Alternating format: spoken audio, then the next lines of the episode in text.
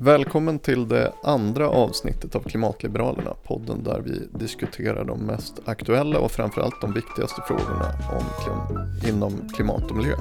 Idag har vi ett specialavsnitt om ett väldigt aktuellt ämne, nämligen regeringens klimathandlingsplan som presenterades på torsdagen. Vi som gör den här podden är jag, Joakim Broman, redaktör på Timbros nättidningsmedien och du, Anna Stenegren, programansvarig för klimat, miljö och energi på Timbro. Uh, hur har du det i julstöket? Jo då, det känns att det börjar närma sig nu. Du då? Jo, det, den här klimathandlingsplanen kom ju verkligen mitt i uh, förberedelserna. Jag skulle precis lägga in sillen så var jag tvungen att sätta mig och titta på, läsa det här dokumentet istället. Men det var roligt. Ja, det är lite, lite annat än hur det brukar gå till. Ja. Det här julstökandet. Men du, jag tänkte Joakim, innan vi går in eh, och analyserar den här klimathandlingsplanen. Du har ju skrivit en text nu eh, nyligen om julkonsumtion. Ja. Kan inte du berätta lite om den? Eh, jo, precis. Jag, jag, tyckte att det var... Jag, jag, plockade upp lite grann det här att det skrivs alltid liksom mycket om konsumtionshets inför jul. Att vi handlar så mycket julklappar och eh, det sägs att julhandeln i princip slår rekord varje år och, eh, och sådär. Och eh, det där har stört mig lite grann därför att det, när man dyker ner lite i de där siffrorna så visar det sig att det, det är inte så att julhandeln slår rekord varje år. Vi, vi handlar i stort sett lika mycket varje år som vi har gjort de senaste 30 åren. Och Eh, det, det, ser i princip likadant ut. Trots att vi blir väldigt mycket rikare så, så verkar det inte som att vi köper varken julmat eller julklappar i några liksom, stegrande mängder. Ehm, så det, bland annat det handlar den här texten om eh, eh, kan man säga. Intressant. Varför tror du att det är så att just att det är så mycket fokus på det här och att det verkar som att det ökar hela tiden? Eh, ja, men när det gäller ökningen så tror jag att handeln kanske har intresse av att presentera det som att åh, titta nu, det går så bra för vår bransch och eh, man, eh, ja, man, man vill lyfta fram att, det, att saker växer och folk tycker det är roligt att handla julklappar och sådär.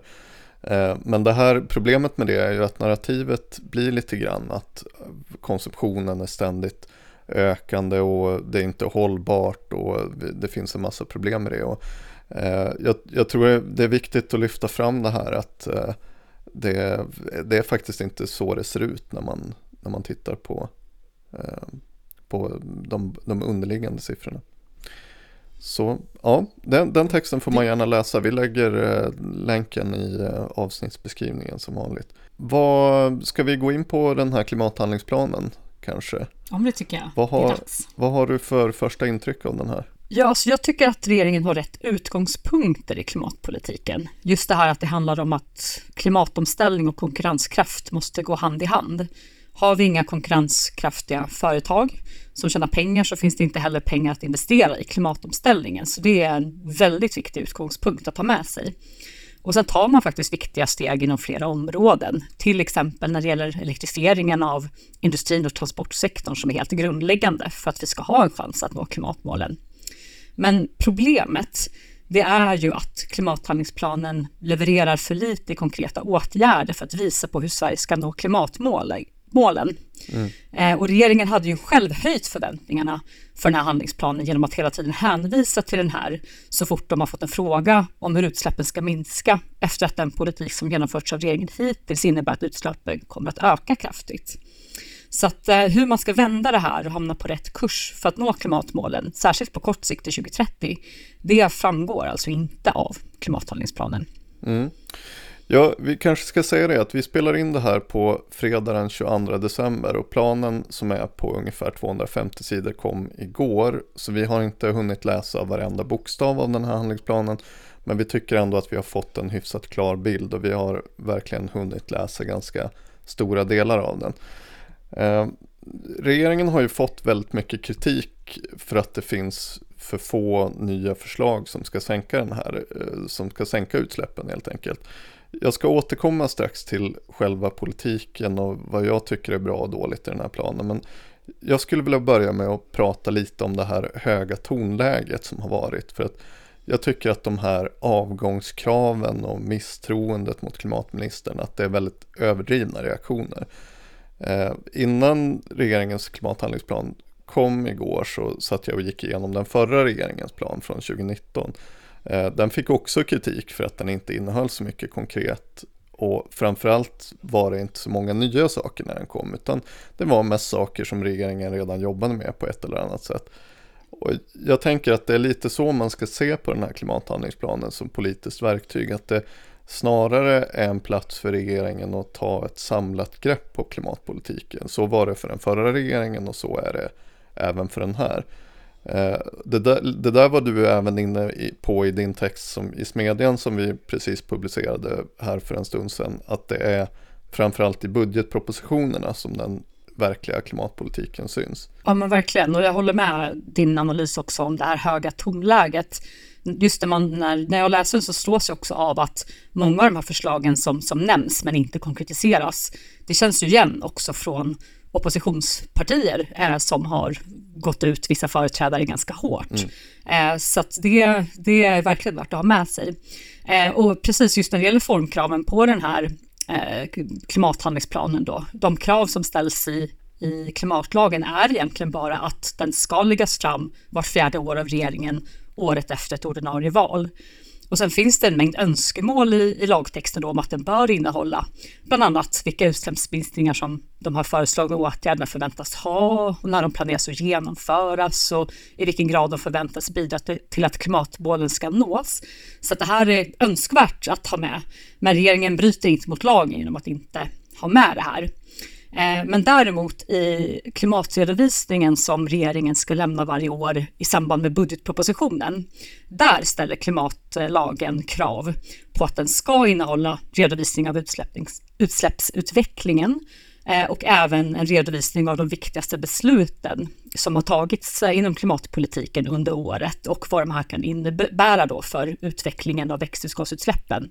Och dessutom en bedömning om det finns behov av ytterligare åtgärder eh, och när och hur sådana eh, åtgärder då ska beslutas. Så att det är just i de här klimatredovisningarna kopplat till budgeten där det kan vänta oss att se eh, tydligare eh, tydligare bild av hur regeringens politik faktiskt bidrar till att klimatmålen uppfylls eller inte. Ja, precis. Och, och jag, jag, jag, tycker det är en, ett bra sätt att se på det. Och så, så klimathandlingsplanen är ju för sig inte oviktig men, men det är mer som nä, nästan liksom en, så här, ett samlat grepp på, på den övergripande klimatpolitiken och vilka, ja, vad som måste till. Och, eh, när det gäller då den övergripande klimatpolitiken så finns det två stycken lite större perspektiv som både framgår i planen och som regeringsföreträdarna och till viss del SD pratade om på pressträffen och som jag håller med om. Eh, och det första är att jag tror att de har rätt i att medborgarnas förtroende för klimatpolitiken, legitimiteten för klimatpolitiken är väldigt central för hela politikområdet. Jag brukar säga att om klimatpolitiken bara hade handlat om att minska utsläppen så hade det varit enkelt. Men det handlar om att minska utsläppen på ett sätt som inte slår sönder ekonomi och konkurrenskraft som du var inne på eller ekonomi för hushåll eller enskilda företag. Och när man har med sig det så förstår man också att har man inte legitimitet för klimatpolitiken då har man ingen klimatpolitik för det innebär att folk kommer vända sig emot omställningen. Eh, förra regeringen förlorade i praktiken valet på bensin och energifrågorna eh, så att de har väldigt högt tonläge nu och väcker misstroende mot klimatministern. Det visar nog att man fortfarande inte riktigt på den sidan av politiken tar det där på allvar menar jag.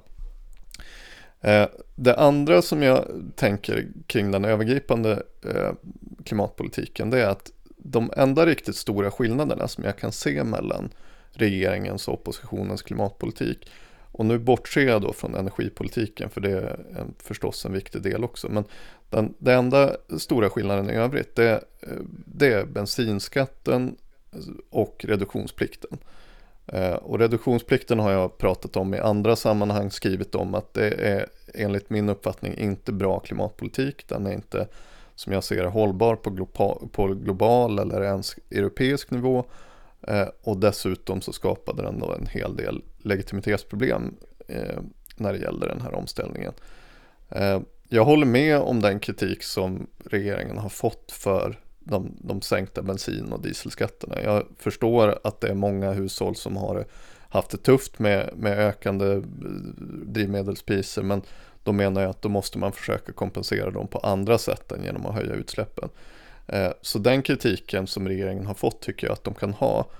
Eh, det, det orsakar höjda utsläpp på kort sikt som de har väldigt svårt att kompensera för. Och det, det är det som är det grundläggande problemet i den, i den här klimathandlingsplanen.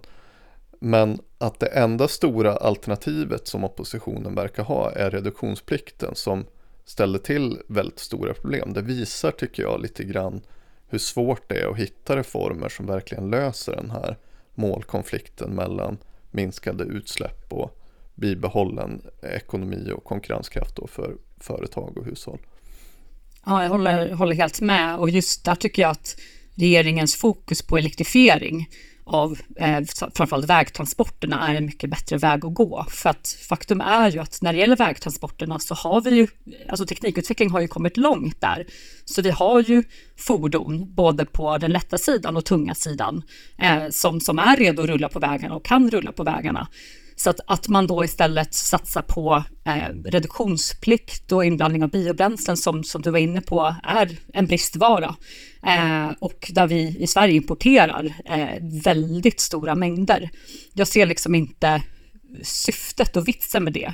Det är mycket bättre att satsa på den typen av av eh, åtgärder när det gäller mer liksom, elektrifieringssvåromställda sektorer som sjötransporterna och flyget. Där är det mycket vettigare att satsa på det. Men elektrifiering på vägtransporterna i Sverige där vi har de förutsättningarna som vi har. Eh, har du någon mer sån här övergripande sak som du skulle vilja ta upp innan vi går ner på de här lite mer konkret vad, vad planen innehåller eh, och de konkreta förslagen? Eller ska vi, vi hoppar in? Ja, jag tycker vi dyker ner. Ja, då gör vi det. Ja, men precis. Eh, om vi ska börja med att kika på några saker som... Eh, ja, det finns en del som jag tycker är bra i den här planen och som kan vara värt att lyfta fram. Eh, inte minst då eftersom det har varit rätt så stark kritik mot handlingsplanen.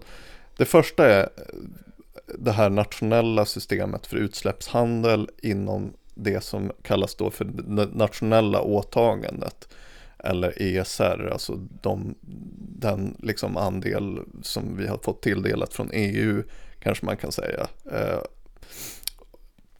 och det, det, betyder alltså att vi ska införa en utsläppshandel för då nästan allt som inte ingår i EUs vanliga system för utsläppshandel.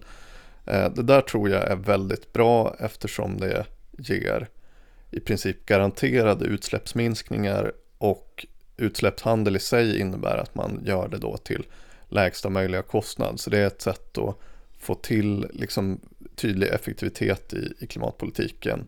Eh, ut, ja, eh, det, det, är en bra avvägning helt enkelt. Eh, det är också bra, tro, tror jag, att Sverige är med från start i det här som man kallar då för ETS2, den här utökade utsläppshandeln i EU att man har med sektorer i det här systemet som inte är obligatoriska. Vi, det finns delar i det som vi inte hade behövt ha med från svensk del men att vi faktiskt lägger in dem också. Det tror jag är väldigt bra. Eh, om jag förstår det rätt så har det funnits, liksom, det, det, det, har funnits rykten om att Tidöpartierna har förhandlat om att till och med starta det här systemet för svensk del innan EU-systemet är igång. Det verkar inte ha blivit något. Vilket är väldigt synd. Men det är i vilket fall två stycken bra reformer som, eh, eh, som, som är liksom bra och övergripande systemnivå för, för klimatpolitiken som kommer göra väldigt stor skillnad. Nej, jag tänkte att jag, jag håller helt med. Alltså, ju, ju mer utsläppshandel, desto bättre.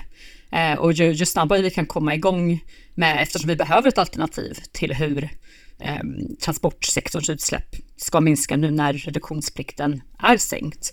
Ju snabbare vi, vi kommer igång med den här nationella då, eh, utsläppshandeln som det blir i alla fall i början, även för de sektorerna som sen då mot 2027 ska ingå eh, enligt kraven från EU. Ju snabbare vi kommer igång, den, igång med den på svensk nivå, desto eh, troligare blir det ju att vi kan klara klimatmålen till 2030. Mm. Sen, sen eh, bara som en parentes så är jag intresserad av när det där systemet kommer igång om vi kommer att få en situation som liknar den vi hade med reduktionsplikten. För det är ju en, finns en slags matematik i den där som är lite grann oundviklig. Att det finns till så många som fortfarande kommer att köra bensin eller dieselbilar. Eh, de där priserna måste upp på höga nivåer för att vi verkligen ska få minskningar i utsläpp på, på, i den här delen av samhället. Eh, och kommer vi liksom, nu hoppas vi kanske då, hoppas regeringen att man ska kunna skjuta iväg liksom besluten på EU-nivå lite grann och, och kanske undkomma. Men, men om priserna blir väldigt höga i ETS 2 då kommer ju så att säga, då kommer det vara oundvikligt att de får, får ta smällen. Så det där blir intressant att följa hur, hur, liksom, eh, hur påverkar handeln faktiskt drivmedelspriserna. Verkligen, och någonting som man kan lägga till där också är ju att vi har ju ett eh, Europaparlamentsval här nu i, i vår, så vi kommer ju se ett nytt Europaparlament här eh, nästa år och även en ny EU-kommission. Och så som eh, det har sett ut det här året eh, när det gäller de europeiska nationella valen så har ju högerpartier och högerpopulistiska partier vunnit mark. Så att, att vi har ett lika klimatambitiöst EU-maskineri under de kommande fem åren är väldigt osannolikt. Och nu är det ju tänkt att de här reformerna som, ska, eller som har nu genomförts på EU-nivå, de här väldigt kraftiga och bra reformerna för klimatpolitiken, tanken är ju att de ska hålla ett bra tag framöver. Men det kan jag säga från när jag jobbade i EU-systemet eh, och var med och förhandlade EUs utsläppshandel förra gången den förhandlades. Det var 2016-2017. Då trodde vi att den skulle hålla i tio år och den är redan omförhandlad. Ja. Så det är också någonting att ha med sig, att det kan hända saker på europeisk nivå som, som kommer att påverka förutsättningarna för den svenska klimatpolitiken. Så är det, och, och det, det knyter an tillbaka till den här punkten som vi var inne på i inledningen, att legitimiteten är central, därför att kommer det liksom sådana här situationer som Eh, som eh, driver upp energipriser eller drivmedelspriser eller matpriser eller vad som helst till, till orimliga nivåer, då kommer folk att vända sig mot det. Och, eh, det, det är oundvikligt. Och så så där, där får man ändå liksom ge regeringen att de, de eh, eh med hur, hur kritisk man än ska är till den här klimathandlingsplanen och till deras klimatpolitik i stort så har de ju förstått det att det där måste vara en central del. Ehm, en, en, annan sak som jag tyckte om i den här planen, det, det, var ett väldigt kort stycke men eh, jag tyckte ändå att det var lite av en milstolpe att regeringen uttrycker sig positivt. Eller inte bara regeringen, man ska ju komma ihåg att Sverigedemokraterna har skrivit under på allting som står i den här planen. Och det, det tycker jag också kanske är någonting som man lite grann glömmer bort vilket stort steg det är. För det är mycket i den här klimatplanen som är liksom saker som jag tror aldrig att man hade kunnat föreställa sig för några år sedan att SD skulle ställa sig bakom det. Och det, det, det måste man ändå stanna till vid lite grann. Men en, en sak som jag tyckte var väldigt intressant och bra är att regeringen uttrycker sig positivt om det som kallas för CBAM eller koldioxidtullar. Då. Eh, det här har jag skrivit om i en timbrantologi som heter Bortom den stora staten eh, som, där jag skrev om klimatpolitiken. Jag, jag, tror att det är ett verktyg som verkligen behövs på EU-nivå för att tvinga fram prissättning av koldioxid i de delar av världen som handlar med oss men där man inte har kanske en koldioxidskatt eller någon utsläppshandel. Eh, och det där är någonting som verkligen kan göra skillnad på global nivå så jag, jag var glad att se att regeringen har ställt sig bakom det. Jag håller helt med och just eh, för det har ju varit väldigt mycket många turer kring den här eh, så kallade då CBAM eller koldioxidtullen, eh, som den också kallas utan att den egentligen tekniskt sett är det. Eh, just huruvida den skulle funka överhuvudtaget och huruvida den skulle bryta mot eh, Världshandelsorganisationens regler och huruvida det skulle starta ett, ett handelskrig. Eh, men precis som du var inne på så, så ser vi redan tendenser. Jag har hört eh, att länder som, som Indien till exempel börjar fråga sig nu att ja, men istället för att vi ska skicka pengar då till EU genom att vi till EU behöver betala för våra motsvarande utsläpp som, som man betalar eh, i EU genom EUs utsläppshandel. Eh, det är väl bättre att vi låter de pengarna stanna kvar i Indien genom att införa något, något eget system. Ja. Och det är precis det man vill, vill driva fram med det här. Så att, eh, det, det är ju väldigt positiva signaler. I, i, I vissa fall i alla fall får vi hoppas att det, att det fortsätter. Ja. Exakt. Eh, en annan sån här sak som eh, jag tyckte var bra, det är att det finns ett kort stycke om att man kommer att försöka stimulera elektrobränslen i den energipolitiska propositionen. Jag tror att den kan ha kommit, men att jag inte har hunnit läsa den. I vilket fall så tror jag att det där är ett verktyg som verkligen är välbehövligt i transportsektorns omställning när man pratar om eh, de tunga transportslagens omställning, liksom flyget och sjöfarten. Och eh, jag tycker fortfarande att det har varit en, det, det har ju varit en väldigt, eh, ska man säga, högljudd debatt kring flygskam och flygskatten och sådär. Eh, men i relation till det väldigt liksom, lite debatt om att det faktiskt finns liksom, tekniska lösningar för hur flyget i princip eh, alltså väldigt snabbt skulle kunna göra sin omställning. Eh, och på det sättet så är jag väldigt glad då att regeringen eh, dels tittar på hur ska man stimulera produktionen av elektrobränslen eh, men också att man är ganska förutseende. Man tittar på tankinfrastruktur för elektrobränslen och vätgas. Hur ska vi kunna importera sådana här bränslen eh, eller exportera dem? Liksom. Sådana saker Eh, ett exempel på att i, i viss, på vissa områden så ligger regeringen faktiskt ganska långt framme och är ganska förutseende. Ehm, så det, det, ska de ha lite cred för också. Mm. Och jag ser fram emot att läsa mer om det också i, i eh, den här energipolitiska inriktningspropositionen. Som jag förstår, så det som kom här nu i dagarna eh, var en promemoria eh, där man, eh, jag har faktiskt inte eh, hunnit läsa den heller ska jag erkänna, men jag har för mig att man la fram eh, vissa delar där som eh, man då kan komma med inspel på fram till någon gång i januari. Mm. men att själva propositionen väntar vi fortfarande på. Okay.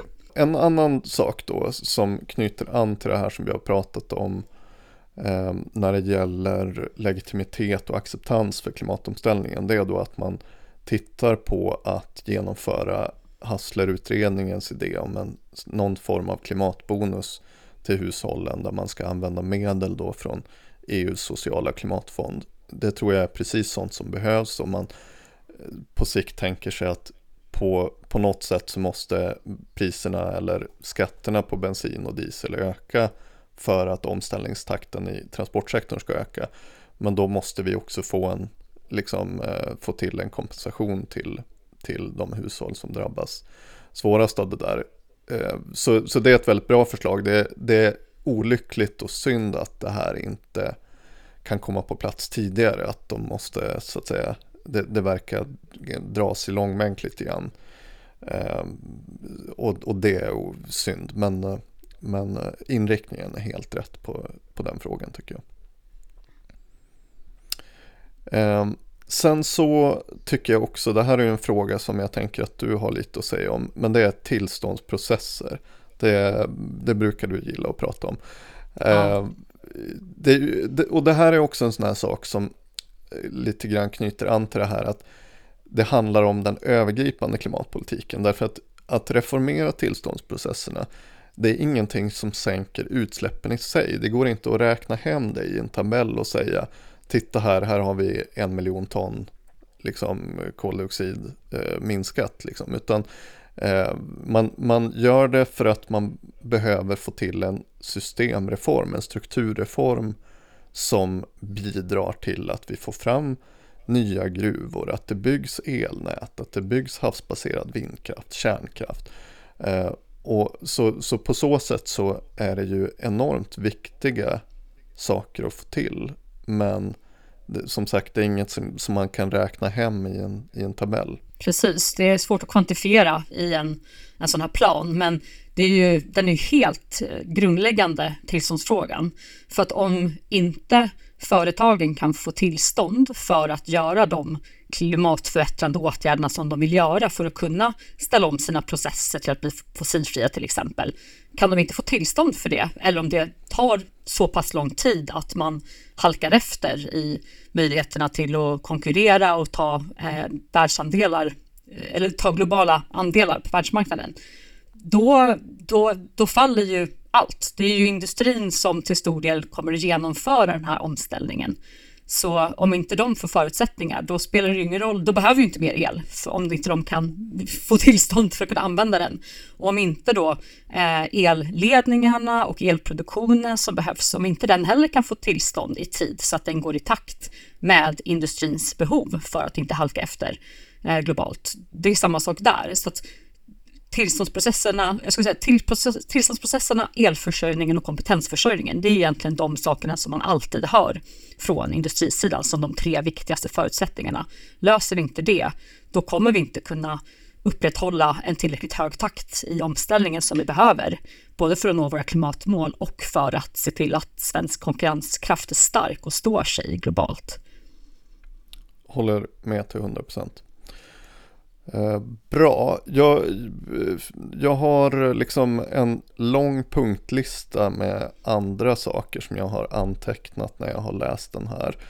Eh, det finns liksom, man tittar på styrmedel för Carbon Capture Storage, Bio-CCS, Carbon Capture and Usage. Jättebra. Det är synd att styrmedlen inte kan komma på plats tidigare. Det här är också ett område som verkligen Eh, centralt i hela, hela klimatpolitiken. Så ja, man, man önskar att det, det kunde gå snabbare, men, men bra i alla fall avsnitt om det. Eh, Precis, och just, och just eh, när det gäller eh, de här delarna också så tycker jag att det har varit lite lite fokus på det från tidigare regering. Just när det gäller CCS då och CCU för att det finns sektorer, till exempel kalksektorn som är ju väldigt viktig för cementen, eh, där du har processutsläpp från själva materialet. Eh, så även om du eh, tillför helt förnybar energi i processerna så avger alltså kalken när den bränns, använd, eh, avger koldioxid. Så enda möjliga, möjligheten att bli av med den här är att fånga upp den. Eh, så det är en jätteviktig åtgärd för cementindustrin. Eh, och när det gäller just CCU då, att du kan då binda koldioxid i produkter istället för att gräva ner den som man gör då i CCS. Mm. Det är också en jätteviktig förutsättning för inte minst kemiindustrin som ju är, eh, som, som ju är förutsättningen för många andra värdekedjor, som är grunden i många andra värdekedjor. Och här har man en, ett jättestort problem eller en, en stor utmaning att efterfrågan på de här produkterna kommer att dubbleras fram till 2045-2050 och samtidigt så behöver man då fasa ut den väldigt stora fossilen andel kolatomer då som man behöver i de här processerna och det här behöver vi allt till liksom Ikeas produkter till, till läkemedel till, till allt möjligt. Så just att också kunna se till att vi använder den, vi ska inte ta upp mer fossil koldioxid, men medan vi gör den här omställningen så är det ju positivt om vi då kan använda den här redan upptagna koldioxiden så många gånger som möjligt innan vi tar bort den från systemet där den faktiskt behövs. Mm.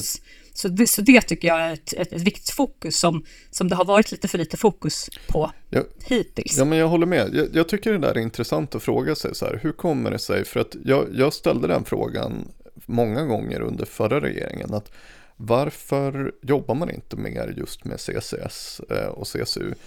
Eh, det är liksom solklart enligt IPCC att vi kommer att behöva det här i alla scenarier som är tillväxtscenarier. Eh, om vi lägger oss ner och dör och, och, stänger ner fabrikerna så absolut, då behöver vi det inte. Men liksom i alla tillväxtscenarier så, så pekar man på att det här kommer att spela en väldigt central roll. Och ändå så, så är det som att det har funnits en eh, och kanske finns fortfarande en skepsis mot det här i, eh, på, på den andra sidan blockgränsen. Eh, ja, precis. Just det här att, att fossilt alltid ses som något fult. Mm. så att, och att den liksom, att det mindsetet gör att man inte kan se värdet av att cirkulera, som man gör i mm. liksom alla andra sammanhang, att, att, att cirkulera de fossila kolatomerna vi har innan, innan vi tar bort dem för sånt som vi verkligen behöver. Exakt. Det, det har liksom ansetts fult och gör man inte det, nej, men det innebär ju att det kommer ta längre tid innan vi kan fasa ut det fossila. Så det är en jätteviktig åtgärd för omställningen att kunna öppna upp eh, och lyfta blicken när det gäller de här frågorna. Jag, jag har också lite grann väntat på att den där kritiken ska komma när det gäller elektrobränslen. Eh, för att det är ju i princip samma sak. Om det är någon som inte vet vad elektrobränslen är så kan man säga att det, eh, det innebär att vi fångar in koldioxid och sen så producerar vi vätgas och sen så parar man ihop det här kolet, infångade kolet med vätgasen. Eh, och då får man ett kolväte och ett kolväte är egentligen det som är ett fossilt bränsle. Fast skillnaden är att vi har då fångat in koldioxiden så det är ett klimatneutralt kolbränsle. Men fördelen med det här är ju att vi slipper ju byta ut all teknik som vi har. Vi kan använda samma flygmotorer, samma sjöfartsmotorer, eh, liksom, ja, alla typer av förbränningsmotorer och ändå ha ett klimatneutralt bränsle. Så eh, kan vi få ekonomi i det så är det en enormt bra lösning.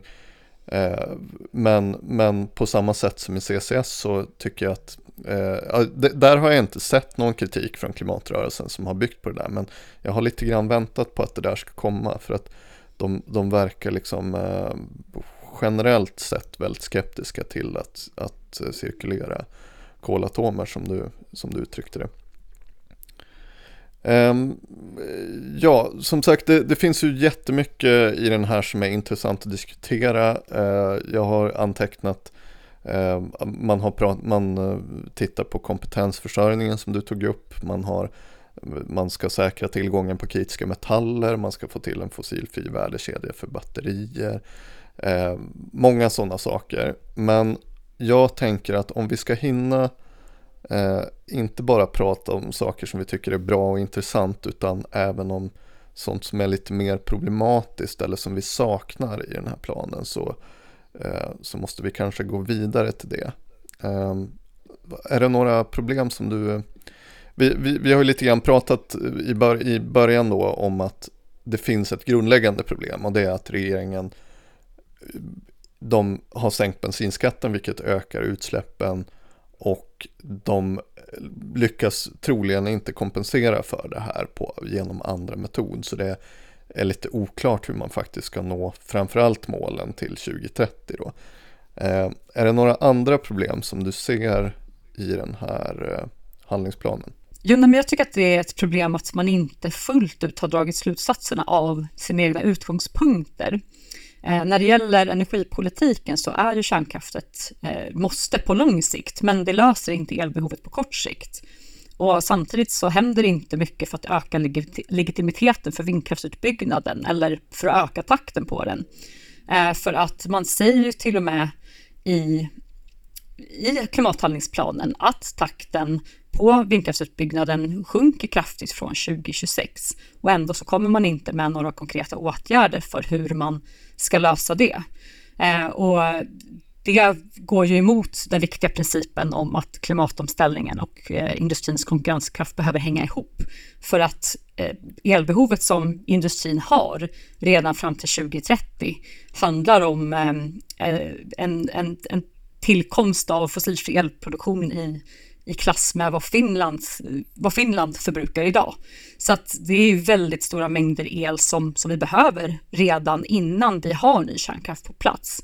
Och det finns inte så många andra storskaliga alternativ än vindkraft idag. Så där saknar jag eh, konkret politik från regeringen. Jag, jag, tycker också att det där är jätteproblematiskt för att de, det är ju som du säger att de de förstår precis hur viktigt elsystemet är i klimatomställningen och kan liksom kamma hem poäng på det att de, de förstår kärnkraftens roll så att säga. Men sen så är det som att de inte kan tänka tanken fullt ut och säga så här, okej okay, men vilket elbehov har vi då fram till att de här nya reaktorerna finns på plats? Eh, Sverige ska växa med ett helt nytt Finland i elsystemet tills dess, precis som du säger. Hur ska vi få till det om inte genom vindkraften? Eh, och vad gör man då för att liksom skapa acceptans och legitimitet och möjlighet för den här vindkraftsutbyggnaden.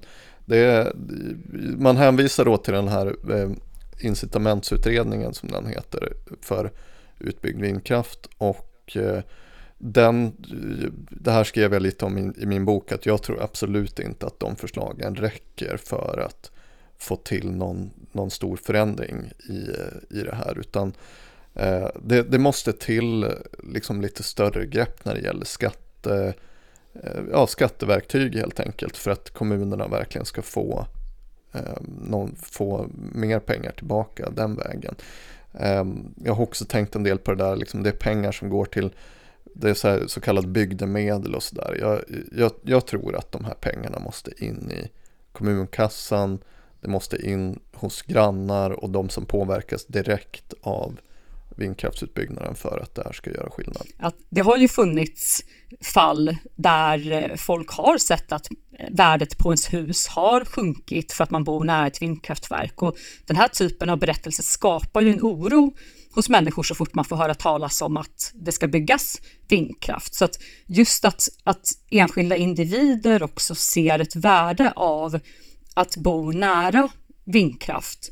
Eh, inte bara att man liksom på systemnivå att det kanske sänker elpriserna utan att man måste ju känna själv att det påverkar den. Så här tror jag också att man skulle kunna jobba med att erbjuda lågprisavtal. Bor du nära ett vindkraftverk, men då ska du, det ska synas på dina elkostnader. De ska bli väldigt låga. Det här är också sånt som, som, som kan göras utan att det skulle medföra några större kostnader för, för elbolagen. Jag, eh, ett, ett par andra saker som jag skulle vilja ta upp. Vi börjar få kanske lite ont om tid här, men vi försöker att, att avsluta med några saker till och sen så summerar vi våra tankar lite kort. Eh, jag tycker att det här är kanske mer ett frågetecken än vad det är en, eh, en dålig sak eller ett problem. Men jag, jag tycker att det är lite oklart om man lyckas snabba på elektrifieringen av fordonsflottan eh, och om man använder sig av de verktyg som man kanske skulle kunna i det fallet. Jag har ju tidigare skrivit om att jag, jag tror att den klimatbonus som fanns eh, under förra regeringen var ganska dålig och, och ineffektiv och framförallt var den fördelningspolitiskt väldigt problematisk. Eh, men jag kan, och, och, och jag tror också att elektrifieringen av fordonsflottan är ju, ser ju, kommer ju att se ut som en sån hockeykurva så att säga som, som växer exponentiellt efter ett tag. Eh, så jag vet inte om man ska vara jätteorolig över den där frågan men eh, finns det verktyg som man kanske hade kunnat införa när det kommer till, liksom, nu, har, nu finns det en skrotningspremie pratar regeringen om som man vill titta på att införa och det eh, kanske liksom en klimatbonus som är inriktad just på billigare elbilar eller liksom, finns det andra verktyg? Där, där hade jag velat kanske se lite mer. Mm, nej, men det, det, är en viktig fråga och det vet jag också att för, för industrin så är det ju också eh, en högre kostnad att köpa in eh, eldrivna fordon till exempel. Så att just att de stora företagen går ju väldigt mycket i bräschen för det, medan de mindre då följer efter i takt med att kostnaderna sjunker. Så att det är en viktig, jag håller med dig helt om att det är en viktig fråga att, att titta på hur om, om staten behöver gå in på något sätt eh, i det här och om man gör det att det faktiskt blir, blir effektivt. Eh, och sen tror jag mycket på att just att det handlar om att ta sikte på laddinfrastrukturen, att den behöver byggas ut snabbare och kraftigare och det tycker jag är positivt också i, i klimathandlingsplanen, att det är mycket fokus på det. För att det finns ju både en oro hos privatpersoner, men framförallt hos, eh, eller inte framförallt, men både hos privatpersoner och hos företag eh, som har införskaffat eller vill införskaffa elfordon, att du faktiskt ska kunna ladda dem eh, där du behöver, när du behöver. Så, så just att, att snabba på utbyggnaden av laddinfrastruktur, för att just nu så hänger inte den riktigt med i, i takten i omställningen av elektrifierad fordonsflotta. Mm. Och det behöver den göra för att det ska fortsätta att rulla på i den takt som behövs. Ja. Eh, två andra jättekorta saker som jag har antecknat. Eh, en sänkt eller slopad elskatt Eh, det gör mm. mycket för att driva på elektrifiering, övergång till, till, från fossila bränslen till elektriska, så att säga, till ja, elektrifiering istället i industrin inte minst. Finns ingenting om det. Jag, här tycker jag att man kan vara rätt så kritisk mot regeringen. Jag uppfattar egentligen, de förstår det här. De förstår att elskatten är jättedålig sett till, liksom sett till elektrifiering och klimatnytta. Men man prioriterar det inte helt enkelt för att det är en bra fiskal skatt. Ja, precis. Och just det där att, att se över, det är också, saknar jag också lite mer resonemang om att, att se över att de de verktygen man faktiskt använder på det här området, att de inte ska vara enbart fiskala, att ha det som syfte, utan att de faktiskt ska, ska driva eh, omställningen eh, där, där den behövs. Mm. Och just eh, elskatten som du nämner, det, den, blir så, den är så märklig i den, här kontexten, och, i den här kontexten också när vi ska ställa om, eftersom el och elektrifiering, det är ju kärnan i omställningen. Vi kommer ju minst behöva fördubbla vårt eh, el vår elanvändning ja. just för att ställa om. Och då att du ska ha en skatt för att du förbrukar el, det blir väldigt märkligt i sammanhanget. Den är ju väldigt, väldigt förlegad och kommer från en era då elektrifiering inte var i fokus. En, en sista grej då. Jag, jag saknar Malmbanan. Eh, mm. Jag tänker att liksom malmförsörjning av järnmalm från Kiruna är eh, centralt i liksom, ja, klimatomställningen. Och det, det, handlar om att få till det här fossilfria stålet, det handlar om eh, kunna leverera till, till H2 eh, Green Steel, det handlar om eh, många andra saker. Och eh, den här malmbanan måste renoveras helt enkelt. Så det, det hade ja. jag också sett som eh, en, en konkret åtgärd som kanske inte går att räkna hem i minskade utsläpp direkt, men som är långsiktigt nyttig. Ja, och det ser vi ju verkligen eh, hur, hur stort behovet är av, av det. Av dubbelspår och just hur, hur det har varit mycket urspårade tåg och vilka kostnader det ställer till eh, för företagen och minskad produktion och svårt med leveranser. Så den, den, är, den är helt, helt central. Mm. Jag håller med. En, en annan sak som jag också saknar är eh, just när det gäller statsstödsregler, för att det nämns ju eh, på många ställen i klimathandlingsplanen eh, hur regeringen eh, betonar vikten av att trycka på EU i olika riktningar, vilket är bra. Men där saknar jag just eh, att regeringen borde trycka på EU att faktiskt gå in och börja begränsa statsstöden igen. För att ända sedan eh, covid-pandemin och sen energikrisen eh, så har man liksom öppnat pluggen egentligen och har överseende med eh, att du kan, som i Tyskland till exempel, gå in och subventionera direkta eh, konkurrenter till det svenska fossilfria stålet med 30, 40, 50 60 procent av liksom investeringskostnaderna för att bygga fabriker. Och det här gör det ju väldigt svårt för, eh, för att kunna konkurrera på marknadsmässiga villkor. Så att just att regeringen borde trycka på nästa kommission att sätta tillbaka pluggen i det här statsstödshålet så att inre marknaden eh, kan börja fungera igen som det var tänkt att fungera. För dels är det inte önskvärt att, att vi i Sverige ska börja subventionera hejvilt. Eh, men även om vi skulle göra det så kan vi ju aldrig konkurrera med länder som Tyskland och Frankrike i, i pengar. Så att det här, det här måste verkligen göras någonting åt eh, nu eh, under kommande mandatperiod på EU-nivå för att vi inte ska riskera att halka efter i, i, den, i EUs konkurrenskraft på den inre marknaden. Bra, jag tror att det är dags att runda av. Eh, vi har hållit på en stund och eh, Skulle kunna hålla på hur länge som helst. Jag tror det. Det är som sagt det är 250 väldigt intressanta sidor för oss som gillar att dyka ner i den här frågan. Och eh, mm. det finns mycket att diskutera, bra och dåligt. På det stora hela så tycker jag att den här handlingsplanen är betydligt bättre än vad det har framställts som i debatten. Och den är i alla fall i mina ögon inte sämre än den som den förra regeringen presenterade.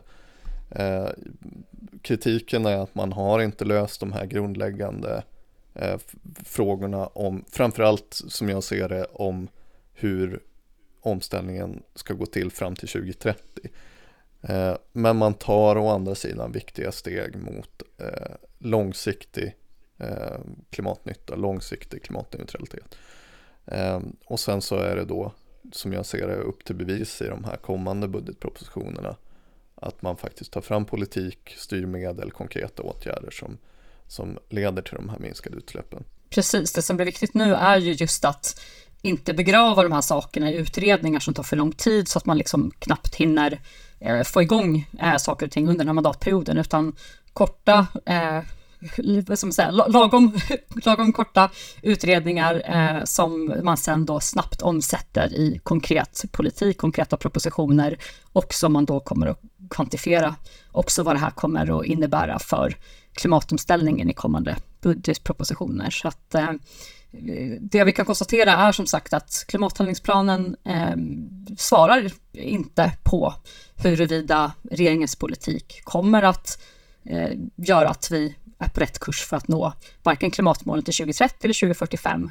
Men eh, vi kommer att få mer svar i kommande budgetpropositioner. Bra sammanfattat. Då eh, tror jag att vi håller där. Som vanligt så finns det länkar till saker vi har pratat om. Bland annat då klimathandlingsplanen eh, och min text om den osynliga handens hjul eller vad man ska säga. Eh, så finns det i avsnittsbeskrivningen. Vi kommer att återkomma i januari med nya teman och avsnitt. Vi får se om vi blir sugna på att ge oss på den här energipolitiska propositionen till exempel. Finns det risk för det? Ja. och sen så tänkte jag också passa på att flagga för att vi har ju tänkt att ha en eh, lyssnarfråga. För vi vill ju väldigt gärna höra vad, vad ni har på hjärtat, ni som lyssnar. Eh, så att skicka jättegärna in det på sociala medier, antingen till mig eller Joakim eller till Timbro. Så lyfter vi en av era frågor i nästa avsnitt. Jättebra. Tack så mycket Hanna och eh, god jul. Tack själv. Tack själv för ett eh, härligt samtal. Nu, nu känns det som att man kan ta jullov efter att man har fått analysera det här tillsammans. Vi säger så. God jul! Det gör vi. God jul, ha det fint, vi hörs!